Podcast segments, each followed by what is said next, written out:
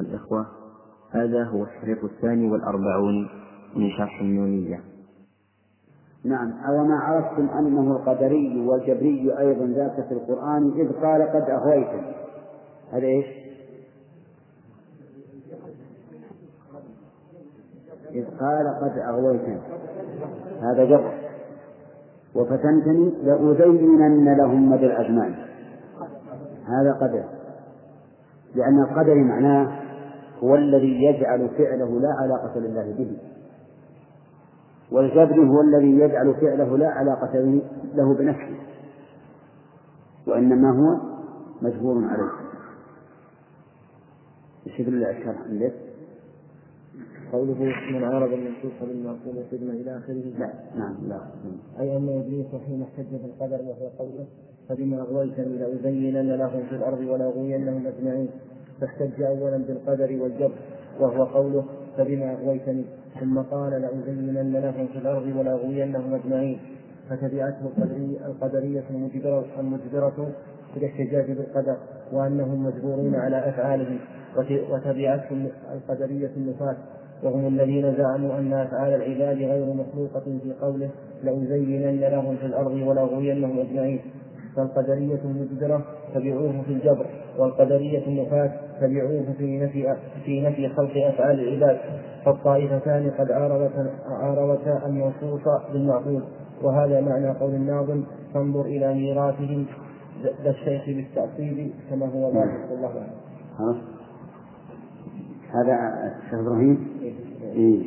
والهضاء إيه. القدر السابق الجبري إثبات الجبر وهو من يقول أن العبد مجبور على فعله المية واحدة الغي وهو مثل الغسل. البيان ما تبين به الميراث بالتعصيب أن يكون نعم ما تبين به؟ ما يتبين به الميراث بالتعصيب؟ لا. لا. عندك تقول حاشية. طيب. على كل حال في غية وزيان لعلها من الزي الذي هو ضد الشيء والغية ضد الرشد. يقول فانظر إلى ميراثهم ذا الشيء بالتعصيب والميراث بالسهمان. يعني أنهم ورثوه فرضا وتعصيبا نعم. كل هذا العلم طيب. فسألتكم بالله. فسألتكم بالله من وراثه منا ومنكم بعد الاتجاه ها؟ لأننا نقدم المنقول ونقول إن الوحي حاكم على عقولنا وليست عقولنا حاكمة على الوحي. ونقول فيما أخبر الله به عن نفسه آمنا وصدقنا. ولا نعارض هذا بعقولنا. يقول هذا الذي ألقى العداوة بيننا إذ ذاك واتصلت إلى ذا الآن. أفصلتم أصلا وأفصل خصمكم. أصلا فحين تقابل الأصلان ظهر التباين فانتشت ما بيننا ما بين الحرب العوان وصيح بالأقران معلوم لأنه إذا اختلف الأصلان فإنه لا يمكن أن يتفق هؤلاء وهؤلاء. بل لابد أن تكون الحرب بينهم. جائرة إلى أن يصطلحوا بالرجوع إلى الكتاب والسنة. هذا وكم هذا وكم رأي لهم؟ نعم. أصلتم أصلتم أصلتم آراء آر الرجال. أصلتم آر الرجال وحرفها من غير برهان ولا سلطان. ها؟ يعني عند آراء أنا واحد. طيب. يعني أنكم جاءتهم الأصل آراء الرجال التي يدعون أنها أصل. وهذا هذه الآراء كلها حرف وظن وتخمين. ليس لها حقيقة. ولهذا قال من غير برهان ولا سلطان. هذا وكم رأي لهم؟ فبرأي من؟ نزل النصوص فأوضحوا ببيان. يعني أن أصحاب المعقول لهم آراء. لهم آراء كثيرة.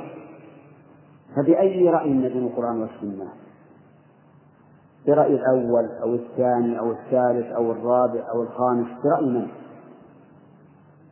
وهذا معنى قول بعضهم يا ليت شعري بأي شيء يوزن الكتاب والسنة برأي فلان أو فلان أو فلان ما دمتم أنتم متنازع ما دمتم أنتم متنازعين في آرائكم فإلى من نرجع؟ نعم يقول رحمه الله كل له رأي ومعقول له كل له رأي ومعقول له يدعو ويمنع أخذ رأي فلان. سبحان الله شرط العقول كثيرة. كل له رأي كل له معقول. كل يدعو إلى رأيه ويقول انبذ رأي فلان. بل إن بعضهم يتناقض في نفسه. فتجده يؤلف كتابا اليوم ثم يؤلف كتابا ينقضه بالأمس ينقض ما كتبه بالأمس. وهذا مشهور وذلك لأنهم لم يبنوا على أصل. إنما بنوا على سورة انهار فانهار بهم. نعم. قال والخصم. نعم أستاذ إيش؟ والخصم أصل محكم القرآن مع قول الرسول وفطرة الرحمن. وبنى عليه فاعتلى بنيانه نحو السماء. أعظم بذا البنيان. الخصم يعني خصمه للتعطيل. الذي حكم الوحي. يقول أصل محكم القرآن مع قول الرسول وفطرة الرحمن ثلاث أشياء. بل والعقل أيضا. بل والعقل. لأن العقل يدل على وجوب الرجوع إلى الوحي في هذا الباب. إذ أن هذا الباب يعتمد على الخبر المحض. لأنه خبر عن أمر الغيب لا نظير له حتى يقاس عليه. فكان مقتضى العقل أن يرجع إلى في هذا الباب إلى إيش؟ إلى الكتاب والسنة. فصار أصل هؤلاء أعني المثبتة الكتاب والسنة والفطرة والعقل. وأولئك ليس عندهم إلا أوهام. يظنونها عقليات وهي وهميات. قال وعلى جرف بنيتم أنتم فأتت سيول الوحي والإيمان قامت فقلعت أساس بنائكم فتهدمت تلك السقوف وخر للأركان. الحمد لله. الله أكبر.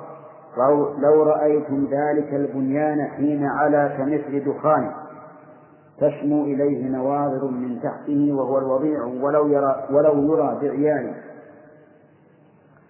فاصبر له. إيش؟ فاصبر له. وهنا ورد الطرف الطاهي وهنا. إيش هناك؟ وهناك وهناك لا ما يزيد البيت ها؟ إيه. فاصبر له وهنا ورد الطرف تلقاه قريبا في الحضيض الدامي الظاهر وهنا من جنس هنيهة سكت هنيهة المهم أن بناء هؤلاء بناء هؤلاء على جرف هار. مثل الدخان. تلقاه عاليا ثم يتضاءل وتدروه الرياح اليسيرة في كل مكان. أما بناء أهل السنة فهو كالجبال لا تهزه العواصف وهو ثابت باقي لأنه مبني على أصل وهو الكتاب والسنة. ثم قال فصل في بيان أن التعطيل أساس الزندقة والكفران والإثبات أساس العلم والإيمان. إذا عندكم الباب أساس ولا أساسه؟ أساس. يقول من قال إن الله ليس بفاعل فعلا يقوم به قيام معاني. أو قال كلا وليس الأمر أيضا قائما بالرب بل من جملة الأكوان. كلا وليس الله فوق عباده بل عرشه خلو من الرحمن. كثلاثة والله لا تبقي من الإيمان حبة خردل جوزا هذه ثلاث أشياء. أولا من نفى أن تقوم الأفعال والسيادة بالله وقال إن الله لا يفعل لا يستوي على العرش. ولا ينزل إلى السماء الدنيا ولا يأتي للفصل بين عباده ولا يضحك إلى رجلين يقتل أحدهما الآخر كلاهما يدخل الجنة. ولا يفرح بتوبة عبد المؤمن. ونفى جميع الأفعال السيادية إذا بقي الله معطل. معطلا بمنزلة الصخرة والعياذ بالله. نعم. طيب كذلك أيضا من قال من قال إن الله ليس له أمر. وأن أمره وهو وهو وهو وحيه خلق من الأكوان القرآن يقول إنه القرآن يشتمل على الأمر والنهي يقول إنه مخلوق. كما أن الأرض مخلوقة والسماء مخلوقة. إذا بطل الوحي لأن الوحي صار من جملة المخلوقات. إذا قالوا أيضا ليس الله فوق عباده فوق عرشه؟ بل العرش خال منه. أين يكون؟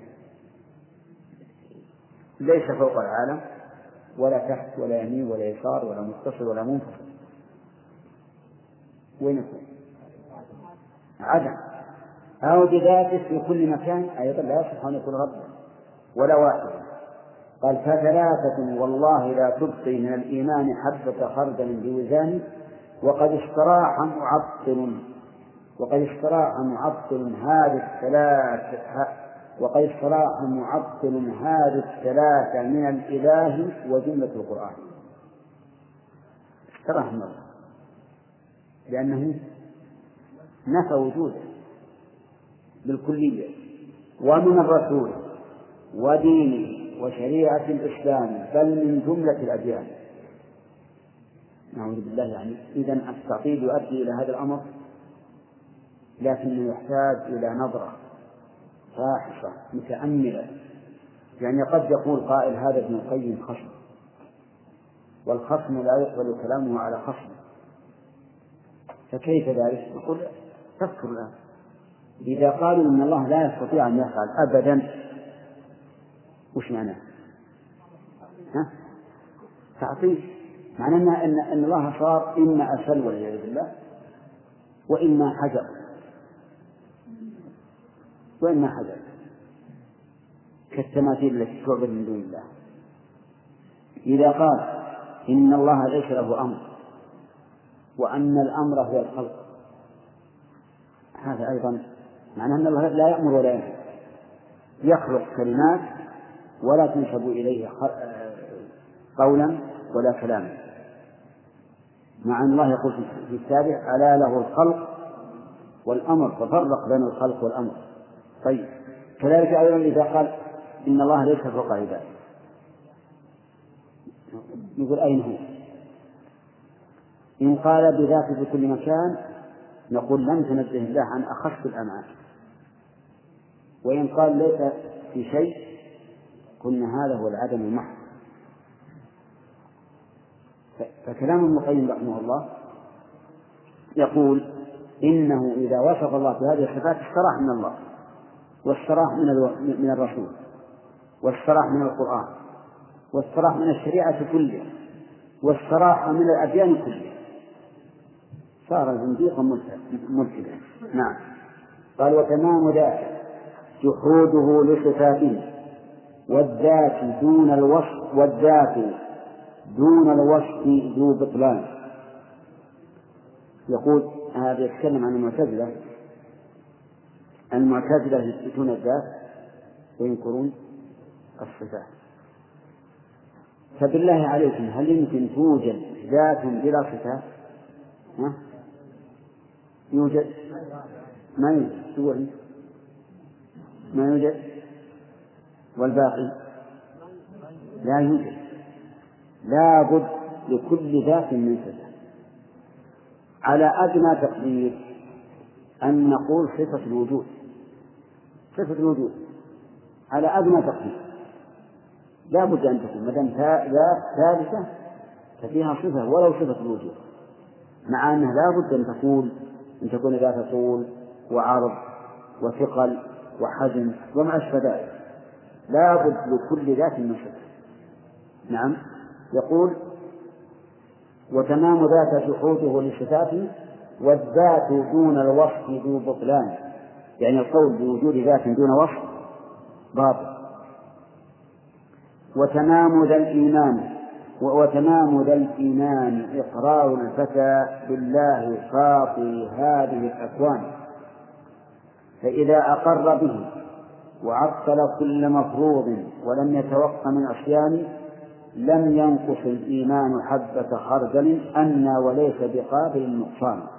هذا أيضا من تمام وتمام ذا الإيمان. إحنا قرأناها بالكسر. وليس كذلك. وتمام ذا أي التعطيل الإيمان إقرار الفتى بالله يعني أن الإيمان إقرار الفتى بالله فاطر هذه الأكوان فإذا أقر به. وعطل كل مفروض ولم يتوق من عصيان لم ينقص الإيمان. أو الإيمان حبة حبة خردل أن وليس بقابل النقصان. هذا مثل من؟ مذهب مرجئة الجهمية. مرجئة الجهمية يقولون الإيمان هو الإقرار بالله. إذا أقررت بالله فاترك جميع الواجبات. وافعل جميع المحرمات من كبائر وصغائر وأنت مؤمن كامل الإيمان. مؤمن كامل الإيمان كإيمان جبريل ومحمد. أعوذ بالله. هل هذا لا؟ هل يمكن أن يقوله عاقل هل يمكن أن يكون شخص مؤمنا بالله عز وجل؟ ثم هو يفعل كل ما نهى عنه ويترك كل ما أمر به؟ لا يمكن. أين الإيمان؟ لا يمكن. لكنهم يرون يرون هذا.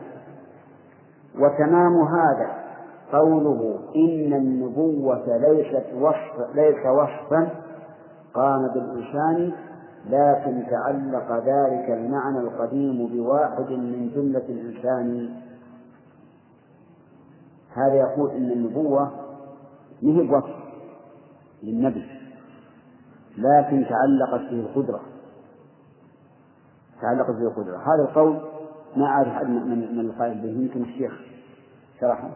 وتمام هذا قوله إن النبوة ليست وصفا قام بالنبي وإن المعنى القديم وهو المعنى النفسي.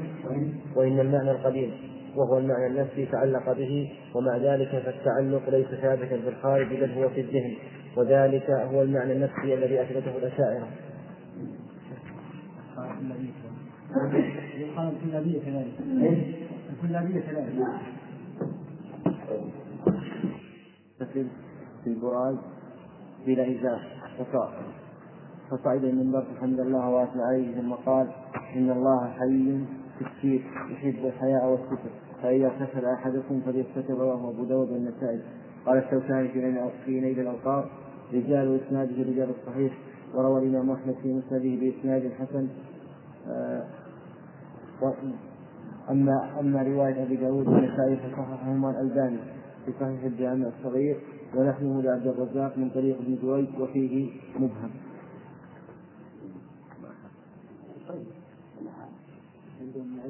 ما هم ماذا تريد نقدم ما مضى بصوت القارئ أو نبدأ من وقفنا عليه نعم؟ يقول ما أخذناه يقرأه في البيت. يقرأه في البيت. نعم. طيب. إذا عليك أن تقضي ما ما صح لا تصحيح. نعم. نعم. إنه يقرأ يعني. نعم. إنه يقرأ يعني. الله قال رسوله قال الصحابة هم أولو العرفان ما العلم نصبك للخلاف سفاة بين الرجل ما العلم نصبك للخلاف سفاهة بين الرسول وبين رأي فلان كلا ولا جحد الصفات لربنا في قلب التنزيه والسبحان. كلا ولا نفي العلو لفاطر الأكوان فوق جميع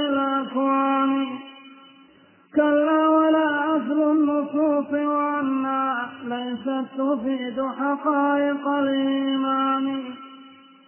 إذ لا تفيدكم تقي إذ لا تفيدكم يقينا لا ولا علما فقد عزلت عن الإيقان.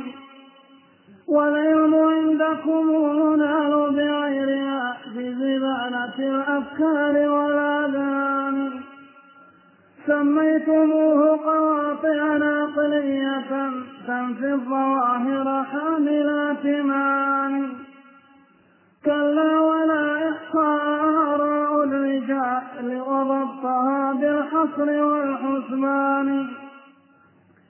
كلا ولا التأويل والتبديل والتحريف للوحيين بالبهتان كلا ولا الإشكال والتشكيك والوقف الذي ما فيه من عرفان. هذه علومكم التي من أجلها عاديتمونا يا أولي العرفان.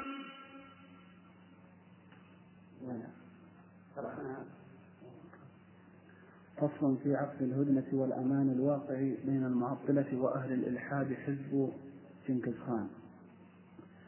يا قوم صالحتم نفاة الذات والأوصام صلحا موجبا للإيمان. يا قوم صالحتم نفاة الذات والأوصام صلحا موجبا لأمان وأغرتم وهنا عليهم غارة وأعطعتم فيها لهم بكنان. ما كان فيها من قتيل منهم كلا ولا فيها أسير آمن. ولطفتم في القول أو صانعتم وأتيتم في بحثكم بدهان وجلستم معهم مجالسكم مع الأستاذ بالآداب والميزان. وبرأتم للقوم كل براءة حتى أراءكم. وبرأتم للقوم كل براءة حتى أراكم سلاحا وبرأتم للقوم كل براءة حتى أراكم سلاح الجانب فغزوتم بسلاحهم لأساكر الإثبات والآثار والقرآن. ولأجل ذا صانعتموهم عند حربكم لهم باللطف والإذعان. ولأجل ذا كنتم مخانيسا لهم لم تنفتح منكم لهم أينان. حذرا من استرجاعهم لسلاحهم فترون بعد السلب كالنسوان. حذرا من استرجاعهم لسلاحهم فترون بعد السلب كالنسوان. وبحثتم مع صاحب الإثبات بالتكفير والتضليل والعدوان.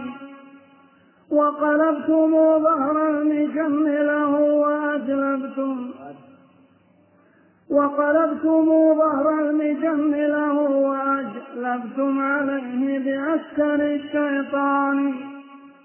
والله هذه ريبة لا يختفي مضمونها إلا على الثيران هذا وبينهما أشد تفاوت هذا وبينهما أشد تفاوت فئتان في الرحمن يختصمان. هذا هذا نفى ذات الإله ووصفه. نفيا صريحا ليس بالكتمان. لكن لا وصف الإله لكن وصف لكن ذا وصف الإله. لكن ذا وصف الإله بكل أوصاف الكمال لكن ذا وصف الإله بكل أوصاف الكمال المطلق الرباني؟ ونفى النقائص والعيوب كنيف. ونفى النقائص والعيوب كنفي. التشبيه للرحمن بالإنسان.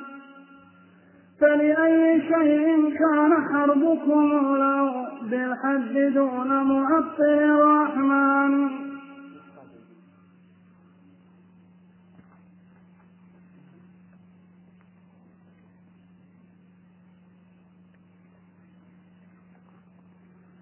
قلنا نعم هذا المجسم كافر أفكان ذلك كامل الإيمان.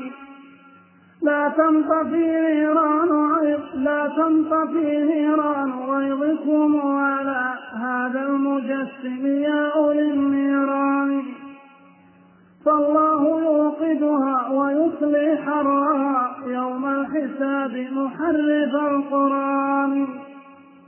يا قومنا لقد ارتكبتم خطة لم يرتكبها قط ذو عرفان. وأنتم أعداءكم بوفاقكم لهم على شيء من البطلان. أخذوا نواصيكم بها ولحاكم فغدت تجر بذلة وهوان. قلتم بقولهم ورميتم قلتم بقولهم ورمتم كسرهم أن وقد ألقوا لكم برهان قلتم بقولهم ورمتم كسرا أن وقد أن ورمتم. قلتم بقولهم ورمتم كسرا أن وقد غلقوا لكم برهان. قلتم بقولهم ورمتم كسرهم أن وقد غلقوا لكم برهان وكسرتم الباب الذي من خلفه أعداء رسل الله والإيمان. فأتى عدو ما لكم بقتالهم وبحربهم أبد الزمان يدان. فغدوتم أسرى لهم بحبالهم أيديكم شدت إلى الأذقان حملوا عليكم كالسباع استقبلت حمرا معقرة ذوي أرسان. صالوا عليكم بالذي قمتم به أنتم علينا صولة الفرسان لولا تحيزكم إلينا كنتم وسط العرين ممزق الرحمن.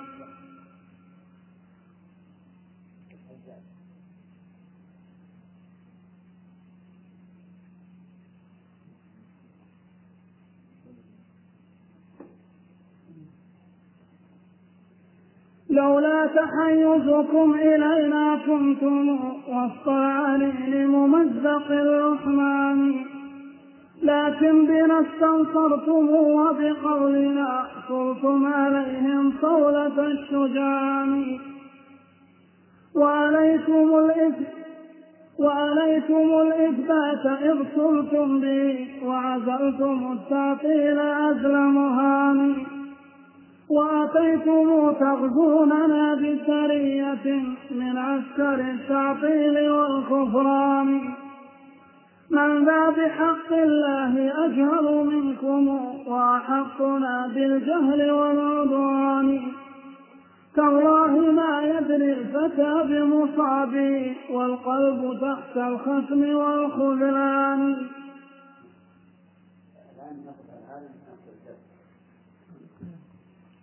في بيان أن التعطيل أساس الزندقة والكفران والإثبات أساس العلم والإيمان.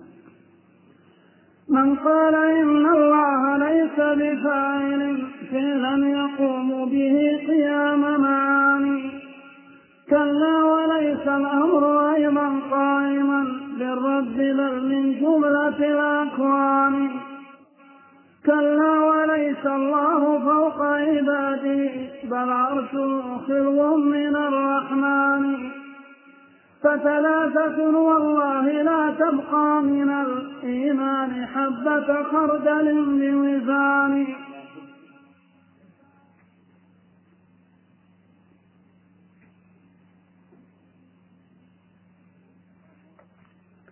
فثلاثة والله لا تبقي من الإيمان حبة خردل بوزان وقد استراح معطل هذه الثلاث من الإله وجملة القرآن. ومن الرسول ودينه وشريعة الإسلام بل من جملة الأديان. وتمام ذاك جحوده لصفاته والذات دون الوصف ذو بطلان. وتمام ذا الإيمان إقرار الفتى بالله. الإيمان. الإيمان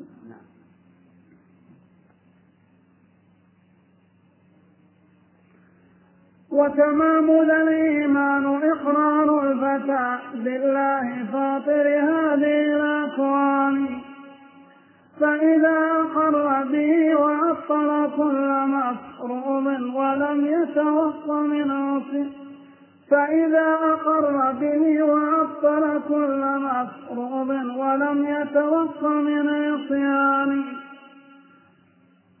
لم ينقص الإيمان حبة خردل أن وليس بقادر النقصان. وتمام هذا قوله أن النبوة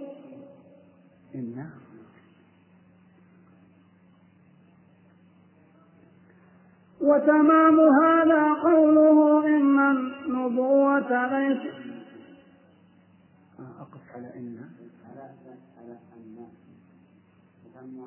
قوله إن النبوة وتمام هذا قوله إن النبوة. وتمام هذا قوله إن النبوة ليس وصفا قام بالإنسان لكن تعلق ذلك المعنى القديم بواحد من جملة الإنسان.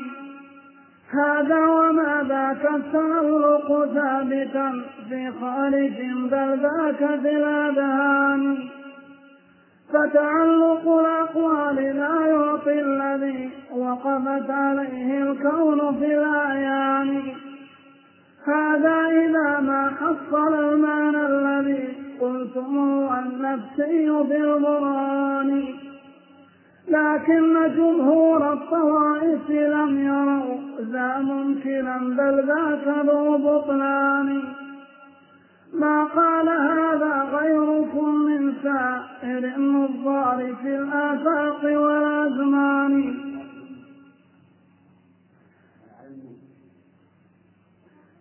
ما قال هذا غيركم من سائر النظار في الآفاق والأزمان. تسعون وجها بينت بطلانه لولا القريب لسكتها بميزان تسعون وجها بينت بطلانه لولا يقول مالك رحمه الله مبينا ما عن التعطيل من المدافع. أو من الأقوال المخالفة لقول السلف. ذكر ما سبق من نفسه علو الله عز وجل وكلامه وبين أنه أن هذا يستلزم الاستراحة. استراحة المعطل من الله عز وجل ومن الرسول ومن الدين ومن الشريعة. بل من جملة الأديان وذكر أيضا أنه يضاف إلى هذه الأقوال الباطلة القول بأن الإيمان هو الإقرار بالله مجرد الإقرار. وهذا مذهب الجهمية الذين يقولون إن الإنسان إذا أقر بالله فهو مؤمن كامل الإيمان. وأن الإيمان لا يمكن أن ينقص لأن الإيمان هو الاعتراف والاعتراف لا يختلف. وهذا يقول فإذا أقر به وعطل كل مفروض ولم يتوقف من عصيانه لم ينقص الإيمان حبة خردل أن وليس بقابل النقصان. فيقولون إن إن أقوم الناس بدين الله وأقواهم طاعة له مثل من لا يقوم بالطاعة. رجل يقوم آناء الليل والنهار بطاعة الله ويتجنب المعاصي وآخر بالعكس يقوم بالمعاصي آناء الليل والنهار ويتجنب, ويتجنب الطاعات لكنهما مقران بأن الله سبحانه وتعالى موجود. يقولون إن إيمانهما سواء. فإيمان أكثر الناس كإيمان أعدل الناس. نعم؟ وأيضا من أقوالهم السيئة الباطلة قولهم إن النبوة ليست وصفا قائما بالإنسان وإنما هي تعلق المعنى القديم بواحد من الناس. والمعنى القديم هو الكلام كلام الله. يعني أن النبي من تعلق به كلام الله الذي هو المعنى القديم. وهم لا يثبتون أن كلام الله بحروف ينزل بها جبريل على هذا النبي ويكون نبيا. لا. يقولون إن الرسول هو الذي تعلق به المعنى النفسي. ومع ذلك يقولون هذا التعلق ليس ثابتا في الخارج بل هو في الذهن فقط وليس موجودا حقيقة في الخارج. إنما هو شيء يفرضه الذهن. يقول فتعلق الأقوال لا يعطي الذي وقفت عليه نعم وقفت عليه الكون في الأعيان. يعني أن المعنى القائم بالنفس وهو كلام الله على زعمهم لا لا يكون متعلقا تعلقا خارجيا بمن؟ صار نبيا. بل هو تعلق ذهني فقط. وأنا لا أتصور هذا هذا القول في الحقيقة. لأنه لا يمكن أن يكون نبيا إلا بوحي ينزل عليه. ولهذا رده المؤلف. هذا إذا ما حصل المعنى الذي قلتم هو النفسي في البرهان. يقولون إن الكلام هو المعنى القائم بالنفس وليس الشيء الذي يسمع. فهو ليس بصوت ولا بحرف. يقول المؤلف لكن جمهور الطوائف لم يروا ذا ممكنا بل ذا فلو بطلان. إذ كيف يقال إنه كلام وهو معنى قائم بالنفس؟ وكيف يقال إنه وحي إلى رسول وهو معنى قائم بالنفس؟ هذا شيء لا يمكن. لكنهم يقولون هذا يفرضه الذهن وليس موجودا في الأعيان. إذا ما الفائدة؟ إذا كان مفروضا فرضا ذهنيا لا وجود له في الخارج فأين الفائدة؟ يقول تسعون وجها ما قال هذا غيركم من شاعر يضار في الآفاق والأزمان؟ يخاطب من في هذا الكلام؟ الأشاعرة لأن الأشاعرة يقولون إن الكلام هو المعنى القائم بالنفس.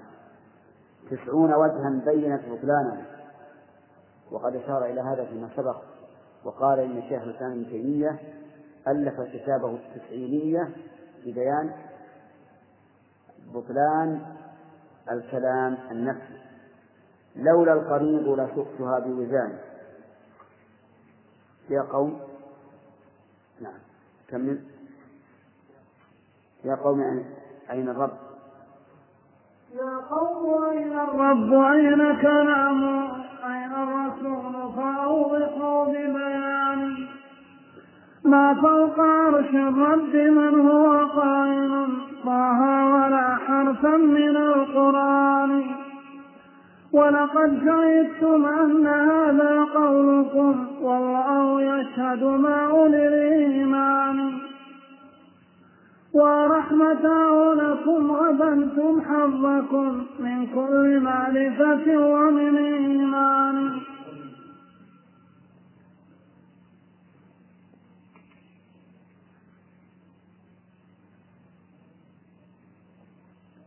ورحمته لكم غبنتم حظكم من كل معرفة ومن إيمان ونسبتم للكفر أولى منكم بالله والإيمان والقرآن هذه بضاعتكم فمن يستعمها فقد ارتضى بالجهل والخسران. إذا قلتم بهذا أي بالمعنى نفسه فأين الله؟ أين كلامه؟ أين الرسول؟ لأنه لأن هذا الوحي معنى قائم بالنفس فكيف ينقل إلى الرسول؟ إذا لا رسول في الحقيقة كذلك أيضا يقول رحمه الله أين الرب؟ لأنهم ينكرون العلو علو الذات فيقول أين يكون الله؟ إذا أنكرتم أنه عالم فأين يكون؟ أين كلامه؟ لأنهم يقولون إن الكلام هو المعنى القائم بالنفس لا يسمع ولا يقرأ نعم لا, لا يسمع ولا يكتب وإنما المكتوب والمسموع عبارة عنه ما فوق عرش الرب من هو قائل طه ولا حرفا من القرآن لماذا؟ ينكرون العلو ينكرون أن يكون الله تكلم بالقرآن الذي نقرأه ويكون هذا عبارة عن كلام الله. ولقد شهدتم أن هذا قولكم والله يشهد مع أولي الإيمان. شهدتم يعني اعترفتم بأن هذا قولكم. والاعتراف اعتراف الإنسان على نفسه يسمى شهادة. قال الله تعالى يا أيها الذين آمنوا كونوا قوامين بالقسط شهداء لله. ولو على أنفسكم. ورحمته لكم. غبنتم حظكم عن كل معرفة وعن إيمان. من كل معرفة ومن إيمان. صدق رحمه الله. فإن هذا القول الذي قالوه جهل وبعيد عن الإيمان. لأن الإيمان أن نؤمن بأن الله فوق العرش وأنه يتكلم بكلام مسموع بحرف وصوت وأن هذا الكلام المسموع نزل به جبريل على قلب النبي صلى الله عليه وسلم. هذا هو إيمانه. كل هذا قد غبنوه ولم يقولوا به. ونسبتم للكفر أولى منكم بالله والإيمان والقرآن. يعني نسبتم للكفر من هو أولى منكم بالله وبالإيمان وبالقرآن. لأنهم يكفرون من يقول الله يتكلم بحرف وصوت. هذه بضاعتكم فمن يستعمها فقد ارتضى بالجهل والخسران الذي يسوم هذه البضاعة فإنه جاهل خاسر والله أعلم. نعم.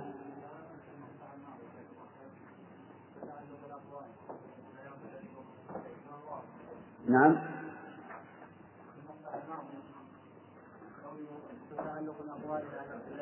نعم. نعم. يعني معناه إنكم إذا قلتم بأن الكلام هو المعنى النفسي فهذا لا يعطي الذي وقفت عليه يعني نزلت عليه. لأن المعنى النفسي قائم بنفس المتكلم. كيف يصل إلى النبي؟ حتى لو قلت إنه قول كيف يصل إلى النبي؟ نعم. نعم.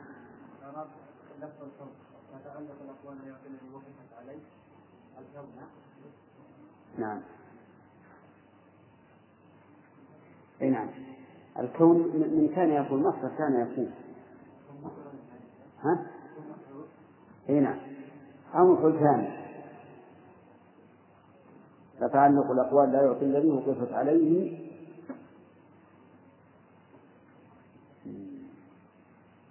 والله يحتاج إلى تأمل في المسألة هل هو محول؟ ها؟ نعم وقفت شو ها؟ عندك أنت؟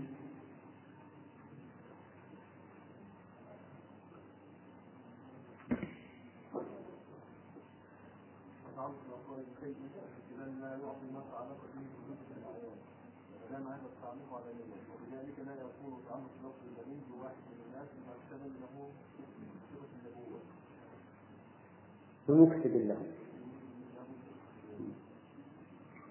هذا إذا صح إذا ما صح القول بكلام النبي وقمر الغرام على ولا يمكن يقال عنه القرآن على ضده المهم الكون مصدر كان يكون يعني ما يمكن أن الأقوال إذا وقف على شيء تكون في الأذهان وهو معنى قائم في فصلا في مصالح. فصل في مصارع النصاة والمعطلين بأسنة أمراء الإثبات الموحدين. وإذا أردت ترى مصارع من خلا من أمة التعطيل والكفران وتراهم أسرى حقير شأنهم أيديهم غلت إلى الأذقان. وتراهم تحت الرماح دريئة ما فيهم من فارس طعام. وتراهم تحت السيوف تنوشهم من عن شمائلهم ونعيمان. قوم سلخوا من الوحيين والعقل الصريح ومحتوى القرآن. وتراهم والله ضحكة ساخر ولطالما سخروا من الإيمان. قد أوحشت منهم ربوع زاد الجبار إيحاشا مدى الأزمان. وخلت ديارهم وشتت شمرهم وخلت ديارهم وشتت شمرهم ما فيهم رجلان مجتمعان. قد عطل الرحمن أفئدة لهم من كل معرفة ومن إيمان. إذ عطلوا الرحمن من أوصافه والعرش أخلوه من الرحمن. بل عطلوه عن الكلام وعن صفات كماله بالجهل والبهتان. فاقرأ تصانيف الإمام حقيقة شيخ وجود العالم الرباني. آني أبا العباس أحمد ذلك البحر المحيط بسائر الخرجان. واقرأ كتاب العقل والنقل الذي ما في الوجود له نظير ثاني. وكذاك منهاج له في رد حول الروافض شيعة الشيطان. وكذاك أهل الاعتزال فإنه أردأهم في حفرة الجبان. وكذلك التأسيس أصبح نقضه أعجوبة للعالم الرباني. وكذاك أجوبة له مصرية في ست أسبار كتب سمان وكذا جواب للنصارى فيما يشفي الصدور وإنه سدران. وكذاك شرح عقيدة للأص وكذاك شرح عقيدة للأصبهاني شارح المحصول شرح بيان فيها النبوات التي إثباتها في غاية التقرير والتبيان. والله ما والله ما لأولي الكلام. والله ما لأولي الكلام ما والله ما لأولي الكلام.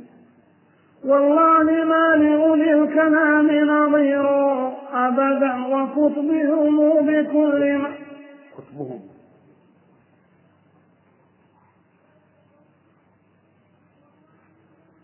والله ما لأولي الكلام نظير أبدا وكتبهم بكل مكان. وكذا حدوث العالم العلوي والسفلي فيه في أتم بيان وكذا قواعد الاستقامة إنا السفران فيما بيننا ضخمان وقرأت أكثرها عليه فزادني والله في علم وفي إيمان هذا ولو حدثت نفسي أنه قبلي يموت لكان غير الشام وكذاك توحيد الفلاسفة الأولى توحيدهم هو غاية الكفران. سفر لطيف فيه نقض أصول بحقيقة المعقول والبرهان. وكذاك تسعينية فيها له رد على من قال بالنفسان. تسعون وجها بينت بطلانه أعني كلام النفس ذا الوحدان وكذا قواعده كبار وإنا أوفى من المئتين ذي الحسبان. لم يتسع نظمي لها فأسوقها فأشرت بعض إشارة لبيان. وكذا رسائله إلى البلدان والأطراف والأصحاب والإخوان. نعم. الأحسن بالنص لأن المرفوعة عندك مرفوعة مرفوعة هي الأحسن بالنص والله أن بالنص أحسن.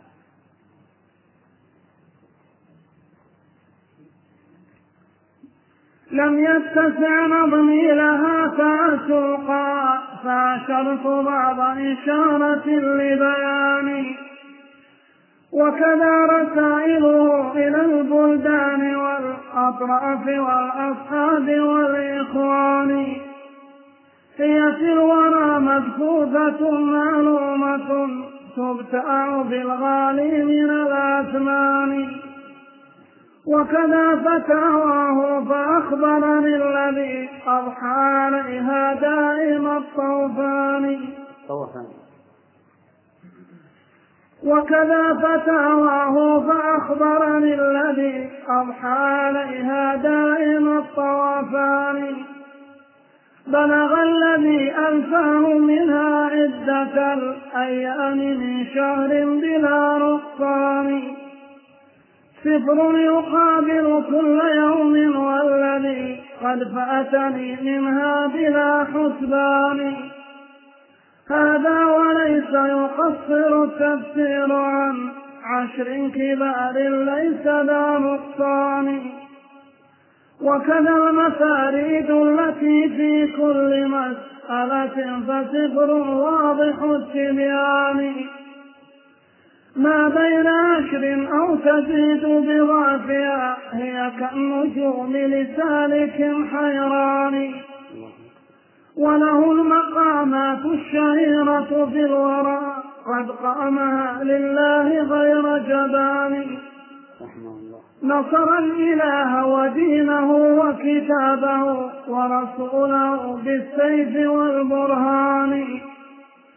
أبدى فضائحهم وبين جهلهم وأرى تناقضهم بكل زمان وأصارهم والله تحت نعال أهل الحق بعد ملابس التيجان وأصارهم تحت الحضيض وطالما كانوا هم الأعلام للبلدان ومن العجائب أنه بسلاحهم أردأهم تحت الحضيض الداني. كانت نواصينا بأيديهم فما من لهم إلا أسير عاني فغدت نواصيهم بأيدينا فما يلقوننا إلا بحبل أماني. وغدت ملوكهم مماليكا لأنصار. يعني وغدت وغدت ملوكهم مماليكا لأنصار الرسول بمنة الرحمن. وأتت جنودهم التي صالوا بها منقادة لعساكر الإيمان. يدري بهذا من له خبر بما قد قاله في ربه الفئتان. والفدم يوحشنا وليس هناكم فحضوره ومغيبه سيان. نقف على هذا. نعم. إيش؟ ولكن لا وليس هناك.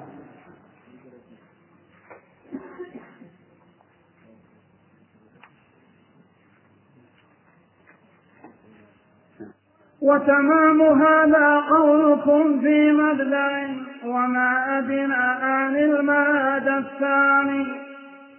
وتمام هذا قولكم بفناء دار الخلد فالداران ثانيتان.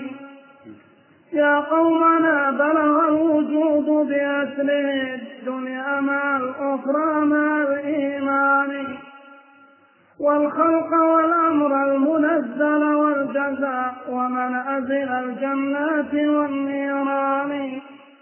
والناس قد ورثوه بعد فمنهم ذو السهم والسهمين والسهمان.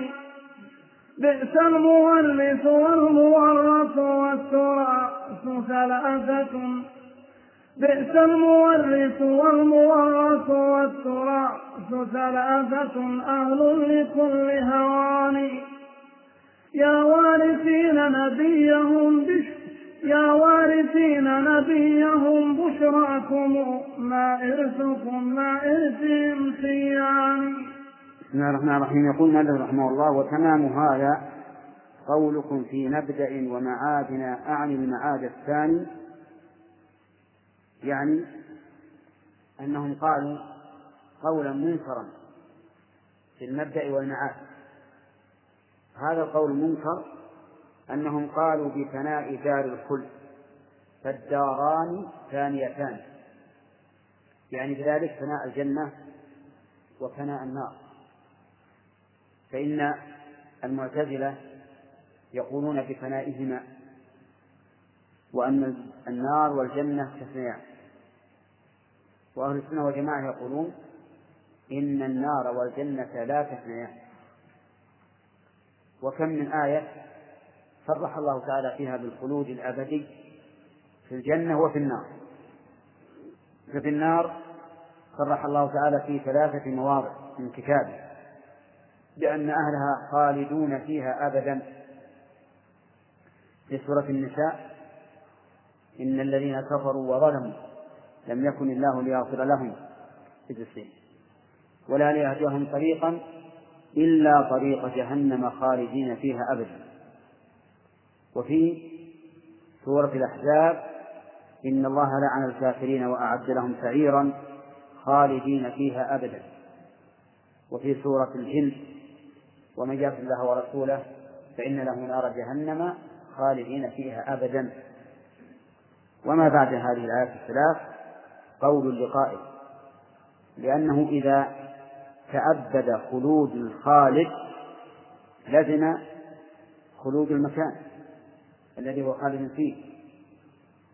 أما الجنة فكثير الآيات فيها الآيات في التأبيد فيها كثيرة. ثم قال يا قومنا بلغ الوجود بأسره الدنيا مع الأخرى مع الإيمان. يعني معناها أن صنيعهم بلغ الدنيا والآخرة. ففي قولهم فساد الدنيا وفساد الآخرة والخلق والأمر المنزل والجزاء ومنازل الجنات والنيران. كل هذا يعرف مفصلا من مذاهب هؤلاء المعطلة حتى إنهم قالوا إن الموازين يوم القيامة ليست حسية والصراط ليس حسيا والحوض ليس حسيا. أما أما الفلاسفة الأولون فمعلوم قولهم في الجزاء وأنه ليس هناك جنة ولا نار ولا إنما هي أمور تخيلية. قال والناس قد ورثوه بعد يعني قد ورثوا هذا التعطيل وهذا الضلال فمنهم ذو السهم والسهمين والسهمان. يعني أخذ سهم واحد أخذ سهم والثاني أخذ سهمين والثاني أخذ سهاما. بئس المورث والمورث والتراث ثلاثة أهل لكل هوان. وصدق رحمه الله. فإن هؤلاء الذين ورثوا الفلاسفة والمناطق من أهل الكلام وغيرهم يقال في إرثهم وفيما ورثوه ما قاله ابن القيم رحمه الله. بئس المورث والمورث والتراث. الشيء الموروث. كل هذه الثلاثة أهل لكل هوان. نعم.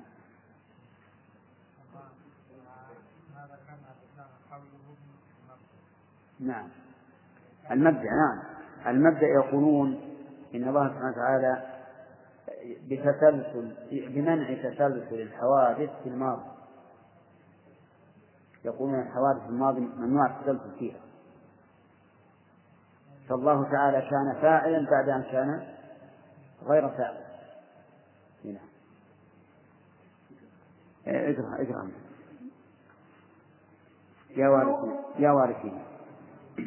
يا وارثين نبيهم بشراكم ما إرثكم ما إرثهم سيان شتان بين الوارثين وبين مورو شتان بين الوارثين وبين مورو شتان بين الوارثين وبين موروثهما وسهام ذي سهمان. يا قوم ما صاح الأئمة جهلهم بالجهم من أقطارها بأذان. إلا لما عرفوه من أقواله ومآلها بحقيقة العرفان. قول الرسول وقول جهم عندنا في قلب عبد ليس يجتمعان.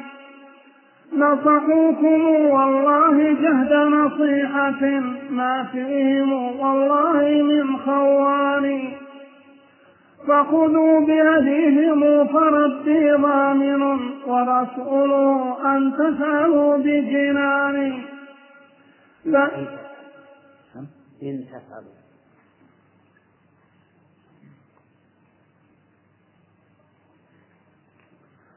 فخذوا بهديهم فربي ضامن ورسوله إن تفعلوا بجنان. فإذا أبيتم فالسلام على من اتبع الهدى وانقاد للقرآن. سيروا على جنوب العزائم وجاروا. سيروا على نجوب العزائم وجاروا. بظهورها المسرى إلى الرحمن. سبق المفرد وهو ذاكر ربي في كل حال ليس ذا نسيان. يقول مالك رحمه الله لما ذكر هؤلاء المعطلة من المتكلمين وغيرهم أنهم ورثوا من؟ ورثوا الفلاسفة والمناطق. قال يا وارثين نبيهم بشراكم ما إرثكم ما إرثكم ما إرثهم سهمان بشراكم يعني البشرى لكم. والوارثين والوارثون للرسول صلى الله عليه وسلم هم الذين ورثوه علما وعملا ودعوة. علما وعملا ودعوة. هؤلاء هم الوارثون للرسول صلى الله عليه وسلم. ليس الوارثون للرسول صلى الله عليه وسلم هم الذين ورثوا العلم فقط. لأن العلم إذا لم يكن معه عمل ودعوة فإنه قد يكون وبالا على صاحبه يا وارثين نبيهم بشراكم ما إرثكم ما إرثكم ما إرثهم سيان شتان بين الوارثين ومن وبين موروثيهما وسهام ذي سهمان. شتان بمعنى بعد ما بين الوارثين لهؤلاء وهؤلاء وبين المورثين أيضا. يا قوم ما صاح الأئمة جهدهم بالجهم من أقطارها بأذان إلا لما عرفوه من أقوالهم ومآلها بحقيقة العرفان. العلماء في أقطار الدنيا كلها صاحت بالجهل وشنعت عليه وبينت بطلان مذهبه لأنهم يعرفون ما لهذا المذهب من الآثار السيئة على الأمة الإسلامية فلذلك فاقوا به من كل مكان. قول الرسول وقول جهم عندنا في قلب عبد ليس يجتمعان لماذا؟ لأن قول الرسول صلى الله عليه وسلم قول حق وقول جهم قول باطل. فلا يجتمع حق مع باطل بحيث يكون كل منهما صحيحا معتقدا. بل قال الله تعالى فماذا بعد الحق إلا الضلال؟ يقول فخذوا. نعم نصحوكم. والله جهد نصيحة. ما في ما فيه والله من خوان. نصحوكم من؟ أهل السنة. نصيحة بالغة. ما فيه والله من والله من خوان. فخذوا بهديهم. فربي ضامن ورسوله إن تفعلوا بجنان. نعم. يعني معناه إذا أخذتم بهدي أهل السنة والجماعة المبني على قول الرسول عليه الصلاة والسلام بل على قول الله وقول رسوله فإن الله ورسوله قد ضمن لكم أن إن فعلتم ذلك بالجنان لأنكم على صراط مستقيم. فإذا أبيتم فالسلام على من اتبع الهدى وانقاد للرحمن. يعني فأنتم ذلال والسلام على من اتبع الهدى وانقاد للقرآن. سيروا على نجب العزاء واجعلوا بظهورها المسرى إلى الرحمن. الخطاب لمن؟ لأهل السنة. يعني لا يهمكم هؤلاء. بل سيروا على نجب العزائم نجب جمع نجيبة وهي الناقة المختارة التي تفوق غيرها. سبق المفرد وهو ذاكر ربه في كل حال ليس ذا نسيان. كما قال النبي عليه الصلاة والسلام سبق المفردون. قالوا من هم يا رسول الله؟ قال الذاكرون الله كثيرا والذاكرات. وقول المؤلف رحمه الله في كل حال. أخذه من قوله صلى الله عليه وسلم من قول عائشة كان النبي صلى الله عليه وسلم يذكر الله على كل أحيانه. وفي القرآن الكريم الذين يذكرون الله قياما وقعودا وعلى جنوبهم. نقف على هذا. يقول ابن القيم رحمه الله أنه قال نعم. ورحمه الله قول يظهر أن له في المسألة قولين. وهو له كلامان. كلام يدل على أنها تفنى وكلام يدل على أن وليس يدل دلالة صريحة لكنه ساق أدلة كثيرة مما يدل على أنه يميل إلى القول بذلك. إي نعم أنه يميل إلى هذا ولكن كل يؤخذ من قوله ويترك إذا كان في القرآن صريح خاليا فيها أبدا ما نأخذ بقول أحد بعده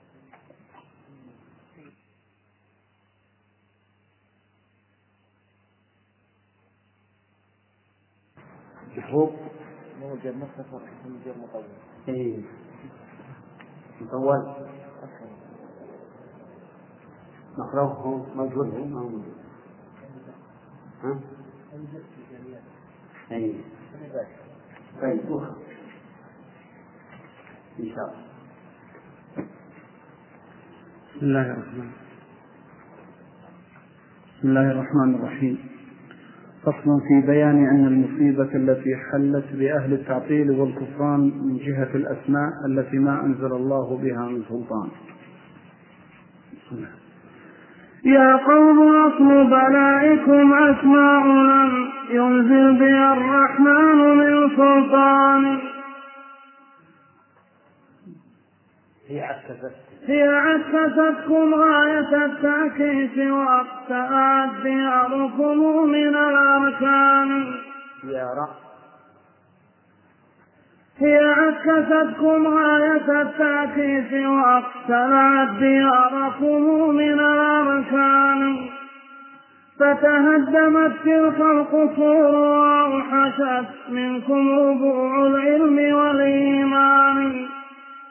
والذنب ذنبكم قبلتم لفظا من غير تفصيل ولا فرقان. وهي التي اشتملت على أمرين من حق وأمر واضح البطلان. سميتم عرش المهيمن حيزا والاستواء تحيزا عند الوصل ما القبض إلا في الابتداء محيزا. لا والاستواء. عن كيف والاستواء. سميتم عرش المهيمن سميتم عرش المهيمن حيزا. والاستواء. سميتم عرش المهيمن حيزا. والاستواء تحيزا لمكان. وجعلتم فوق السماوات العلى جهة وسوء وجعلتم فوق السماوات العلى جهة وسقتم نفي ذا بغزان وجعلتم الإثبات تشبيها وتجسيما وهذا غاية البهتان. وجعلتم الموصوف جسما قابل الأعراض والأكوان والألوان. وجعلتم أوصافه عرضا وهذا كله جسر.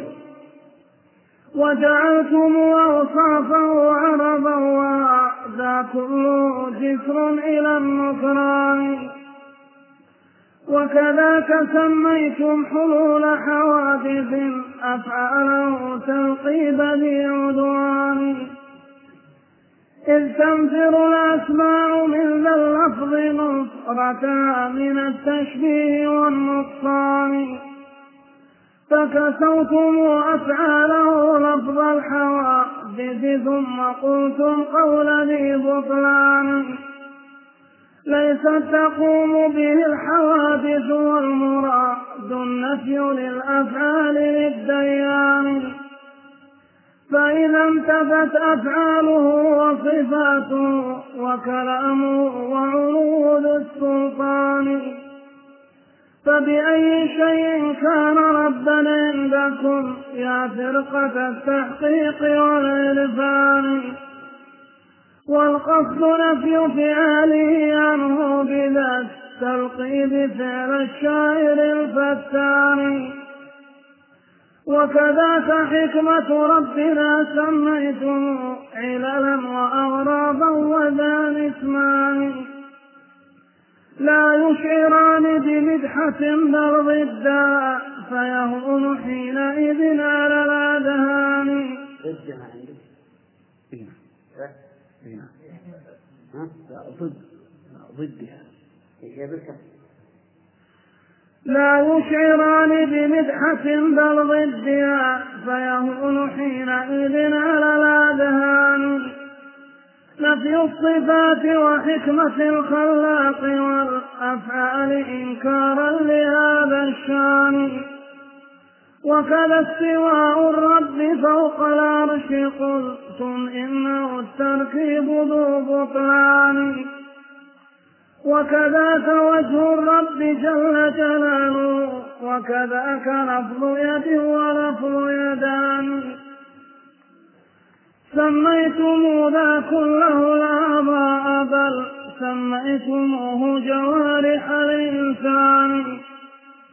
وسطوتم بالنفي حينئذ عليه كان فينا للعيب ما نقصان. قلتم ننزه عن الأعراض والأغراض والأبعاض والجثمان.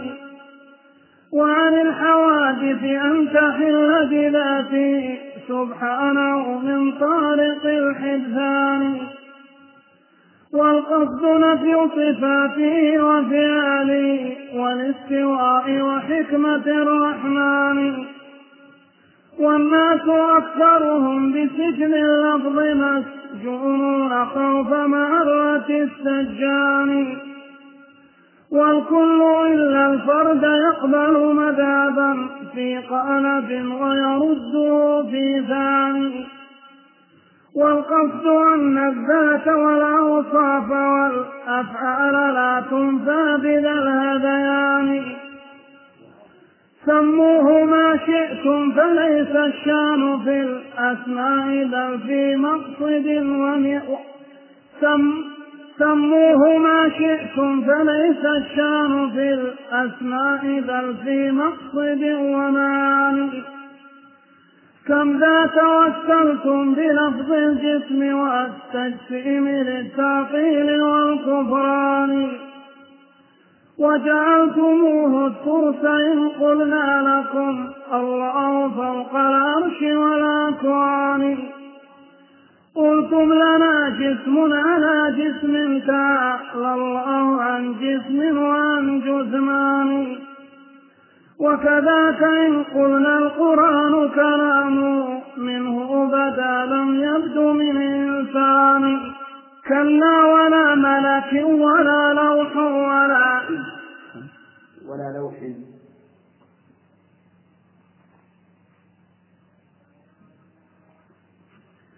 كلا ولا ملك ولا لوح ولكن قاله الرحمن قول بيان قلتم لنا إن الكلام قيامه بالجسم أيضا وهو ذو حدثان.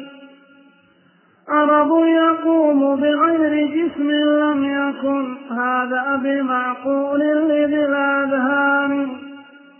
وكذاك حين نقول ينزل ربنا في ثلث ليل آخر أو ثاني. قلتم لنا إن النزول لغير أجسام محال ليس ذا إمكان. وكذاك إن قلنا يرى سبحانه قلتم أجسم كي يرى بعيان أم كان ذا جهة تعالى ربنا عن ذا فليس يراه من إنسان أما إذا قلنا له وجه كما في النص أو قلنا كذاك يدان وكذاك إن قلنا كما في النص إن القلب بين أصابع الرحمن وكذاك إن قلنا الأصابع فوقها كل العوالم وهي دون جفان وكذاك إن قلنا يداه لأرضه وسمائه في الحشر قابضتان. لا. نعم وكذاك إن قلنا سيكشف ساقه فيخر ذاك الجمع للأبقار. وكذاك إن قلنا يجيء لفصله بين العباد بعدل ذي سلطان. قامت قيامتكم كذاك قيامة الآتي بهذا القول في الرحمن. والله لو قلنا الذي قال الصحابة والأولى من بعدهم بلسان لرجمتمونا بالحجارة إن قدرتم بعد رجم الشتم والعدوان. والله قد كفرتم من قال بعض مقالهم يا أمة العدوان. وجعلتم الجسم الذي قدرتم بطلانه طاغوت ذا البطلان. وضعتم للجسم معنى غير معروف به في وضع كل لسان وبنيتم نفي الصفات عليه فاجتمعت لكم إذ ذاك محذوران. كذب على لغة الرسول ونفي إثبات كذب على لغة الرسول ونفي إثبات العلو لفاطر الأكوان. وركبتم إذ ذاك تحريفين تحريف الحديث ومحكم القرآن. وكسبتم وزرين وزر النفي والتحريف فاجتمعت لكم كفلان وعداكم أجران أجر الصدق والإيمان حتى فاتكم حظان. وكسبتم مقتين مقت إلهكم والمؤمنين فنالكم مقتان. ولبستم ثوبين ثوب الجهل والظلم القبيح فبئست الثوبان. وتخذتم طرزين طرز الكبر والتفيه العظيم فبئست الطرزان. ومددتم نحو العلا باعين لكن لم تطل منكم لها الباعان وأتيتموها من سوى أبوابها لكن تصورتم من الحيطان. وغلقتم بابين لو فتحا لكم فزتم بكل بشارة وتهاني. باب الحديث وباب هذا الوحي من يفتح ما فليه باب الحديث وباب هذا الوحي من يفتح ما فليهمه البابان. وفتحتم بابين من يفتحهما تفتح عليه مواهب الشيطان. باب الكلام وقد نهيتم عنه والباب الحريق فمنطق اليونان. فدخلتم دارين دار الجهل في الدنيا ودار الخزي في النيران. وطعمتم لونين لون الشك والتشكيك بعد فبئست اللونان وركبتم أمرين كم قد أهلك من أمة في ثالث الأزمان. تقديم آراء الرجال على الذي قال الرسول ومحكم القرآن.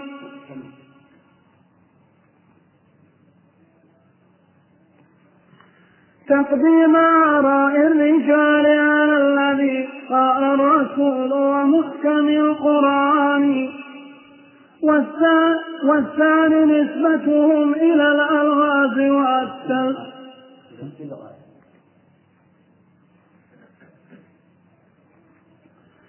والثاني نسبتهم إلى الإلغاز والتلبيس والتدليس والكتمان. ومكرتم مكرين لو تم لكم لتفصمت فينا أرى الإيمان. أطفأتم نور الكتاب وسنة الهادي. أطفأتم نور الكتاب وسنة الهادي بذا التحريف والهذيان لكنكم أوقفتم للحرب نارا بين طائفتين مختلفان. والله مطفيها بألسنة الأولى قد خصهم بالعلم والإيمان. والله لو غرق المجسم في دم التجسيم من قدم إلى الآذان فالنص أعظم عنده وأجل قدرا أن يعارضه بقول فلان.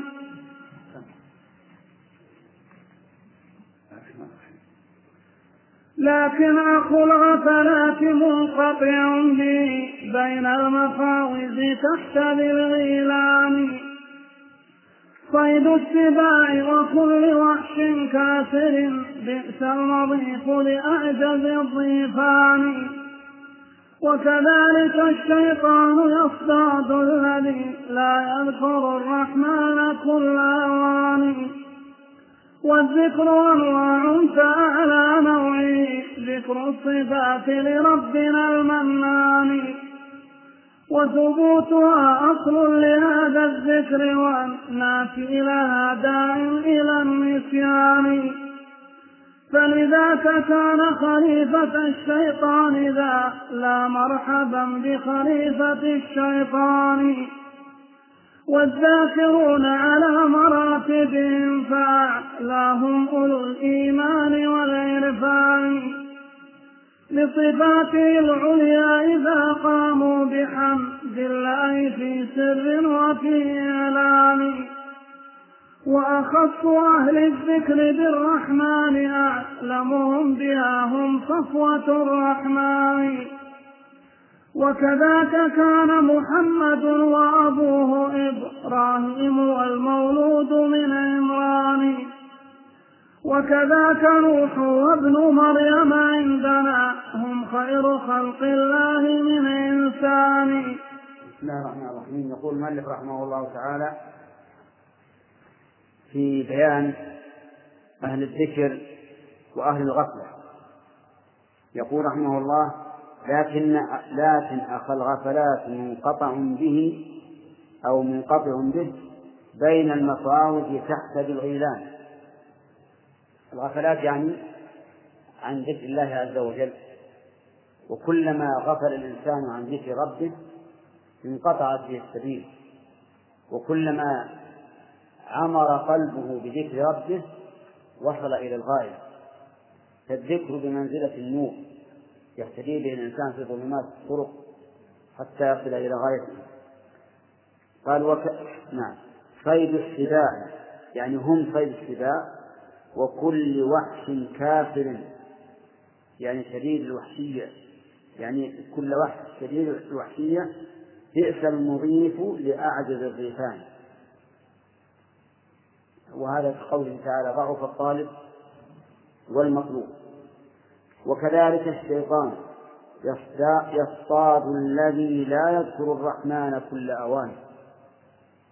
الشيطان يصطاد الغافلين عن ذكر الله. ولهذا سمي الخناس من شر الوسواس الخناس. قال العلماء هو الذي يخنس إذا ذكر الله عز وجل. قال والذاكرين على مراتبهم نعم. والذكر أنواع فأعلى نوعه ذكر الصفات لربنا المنان. الذكر أنواع يكون بالقلب ويكون باللسان ويكون بالجوارح يكون بالقلب واللسان والجوارح. أما بالقلب فأن يكون الإنسان دائما متعلقا قلبه بربه. يذكر الله عز وجل كلما شاهد آية من آيات الله. وفي كل شيء له آية تدل على أنه واحد. فهو كلما نظر في الكون ذكر الله عز وجل. والذكر باللسان هو قول لا إله إلا الله وسبحان الله والحمد لله وما أشبه ذلك. ونصفه بصفة العموم فنقول كل قول يقرب إلى الله فهو من ذكر الله. فيشمل قراءة القرآن والأمر بالمعروف والنهي عن المنكر ودراسة العلم وغير ذلك. وأما الذكر بالجوارح فهو التعبد لله تعالى بالجوارح فالصلاة مثلا الصلاة تجمع أنواع الذكر لأنها ذكر بالقلب لأن الإنسان حين صلاته متعلق قلبه بربه عز وجل وهي ذكر باللسان لأنها تشتمل على تكبير وقرآن وتسبيح ودعاء وهي ذكر أيضا بالجوارح. لأن فيها قياما وقعودا وركوعا وسجودا. فهي في الحقيقة روضة من رياض الذكر. لا نظير لها في العبادات. ولهذا كانت أفضل العبادات بعد الشهادتين.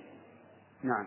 يقول والذاكرون وثبوتها يعني ثبوت صفات الله عز وجل أصل لهذا الذكر. لأنه لا يمكن أن يذكر الإنسان ربه بصفاته إلا بعد إثباته كيف يذكره بصفات لا يثبتها؟ ولهذا نجد المعطلة محرومين غاية الحرمان من لذة الذكر لأنهم لا يعتقدون لله وجها ولا يدا ولا رحمة ولا فرحا ولا ذكرا ولا, ولا ضحكا ولا عجبا. فهم والعياذ بالله محرومون من لذة الذكر. إذ أنهم في الحقيقة كما قال ابن القيم في في مقدمة النونية المعطل يعبد ها؟ لا. عدما. والممثل يعبد صنما. وصدق رحمه الله. نعم. يقول والذات وثبوتها أصل لهذا الذكر والنافي لها داع إلى النسيان. الذي ينفيها يدعو الناس إلى نسيان ذكر الله. لأنهم إذا لم يثبتوا الصفات لن يذكروا الله. فلذاك كان خليفة الشيطان ذا أي هذا الذي ينفي الصفات كان خليفة الشيطان لأن الشيطان يصد الناس عن ذكر الله. وهذا يصد الناس عن إثبات الصفات وبالتالي عن ذكر الله عز وجل. لا مرحبا بخليفة الشيطان ولا بالشيطان. لا مرحبا بالخليفة ولا بالمخلوق. نعم. نعم. يقول والذاكرون على مراتبهم فآلاهم أولو الإيمان والعرفان. بماذا؟ بصفاته العليا. الذاكرون على مراتب. بحسب ما قام بقلوبهم من تعظيم الله عز وجل والتعلق به. فأعلاهم أولو الإيمان والعرفان بصفاته العليا. يعني أعلاهم من آمنوا بصفات الله وعرفوا صفات الله هؤلاء أعلى أعلى أهل الذكر منزلة. أعلى بصفاته العليا إذا قاموا بحمد الله في سر وفي إعلان. نعم إذ بصفاته العليا إذ قاموا بحمد الله عندنا إذا وهي التي يتم بها البيت. قال وأخص أهل الذكر بالرحمن أعلمهم بها هم صفوة الرحمن. أخص أهل الذكر بالله من؟ أعلمهم بصفات الله. أيها الإخوة وبنهاية هذه المادة نودعكم ونلقاكم إن شاء الله في إصدارات قادمة. مع تحيات مؤسسة الاستقامة الإسلامية. للإنتاج والتوزيع في عنيزة.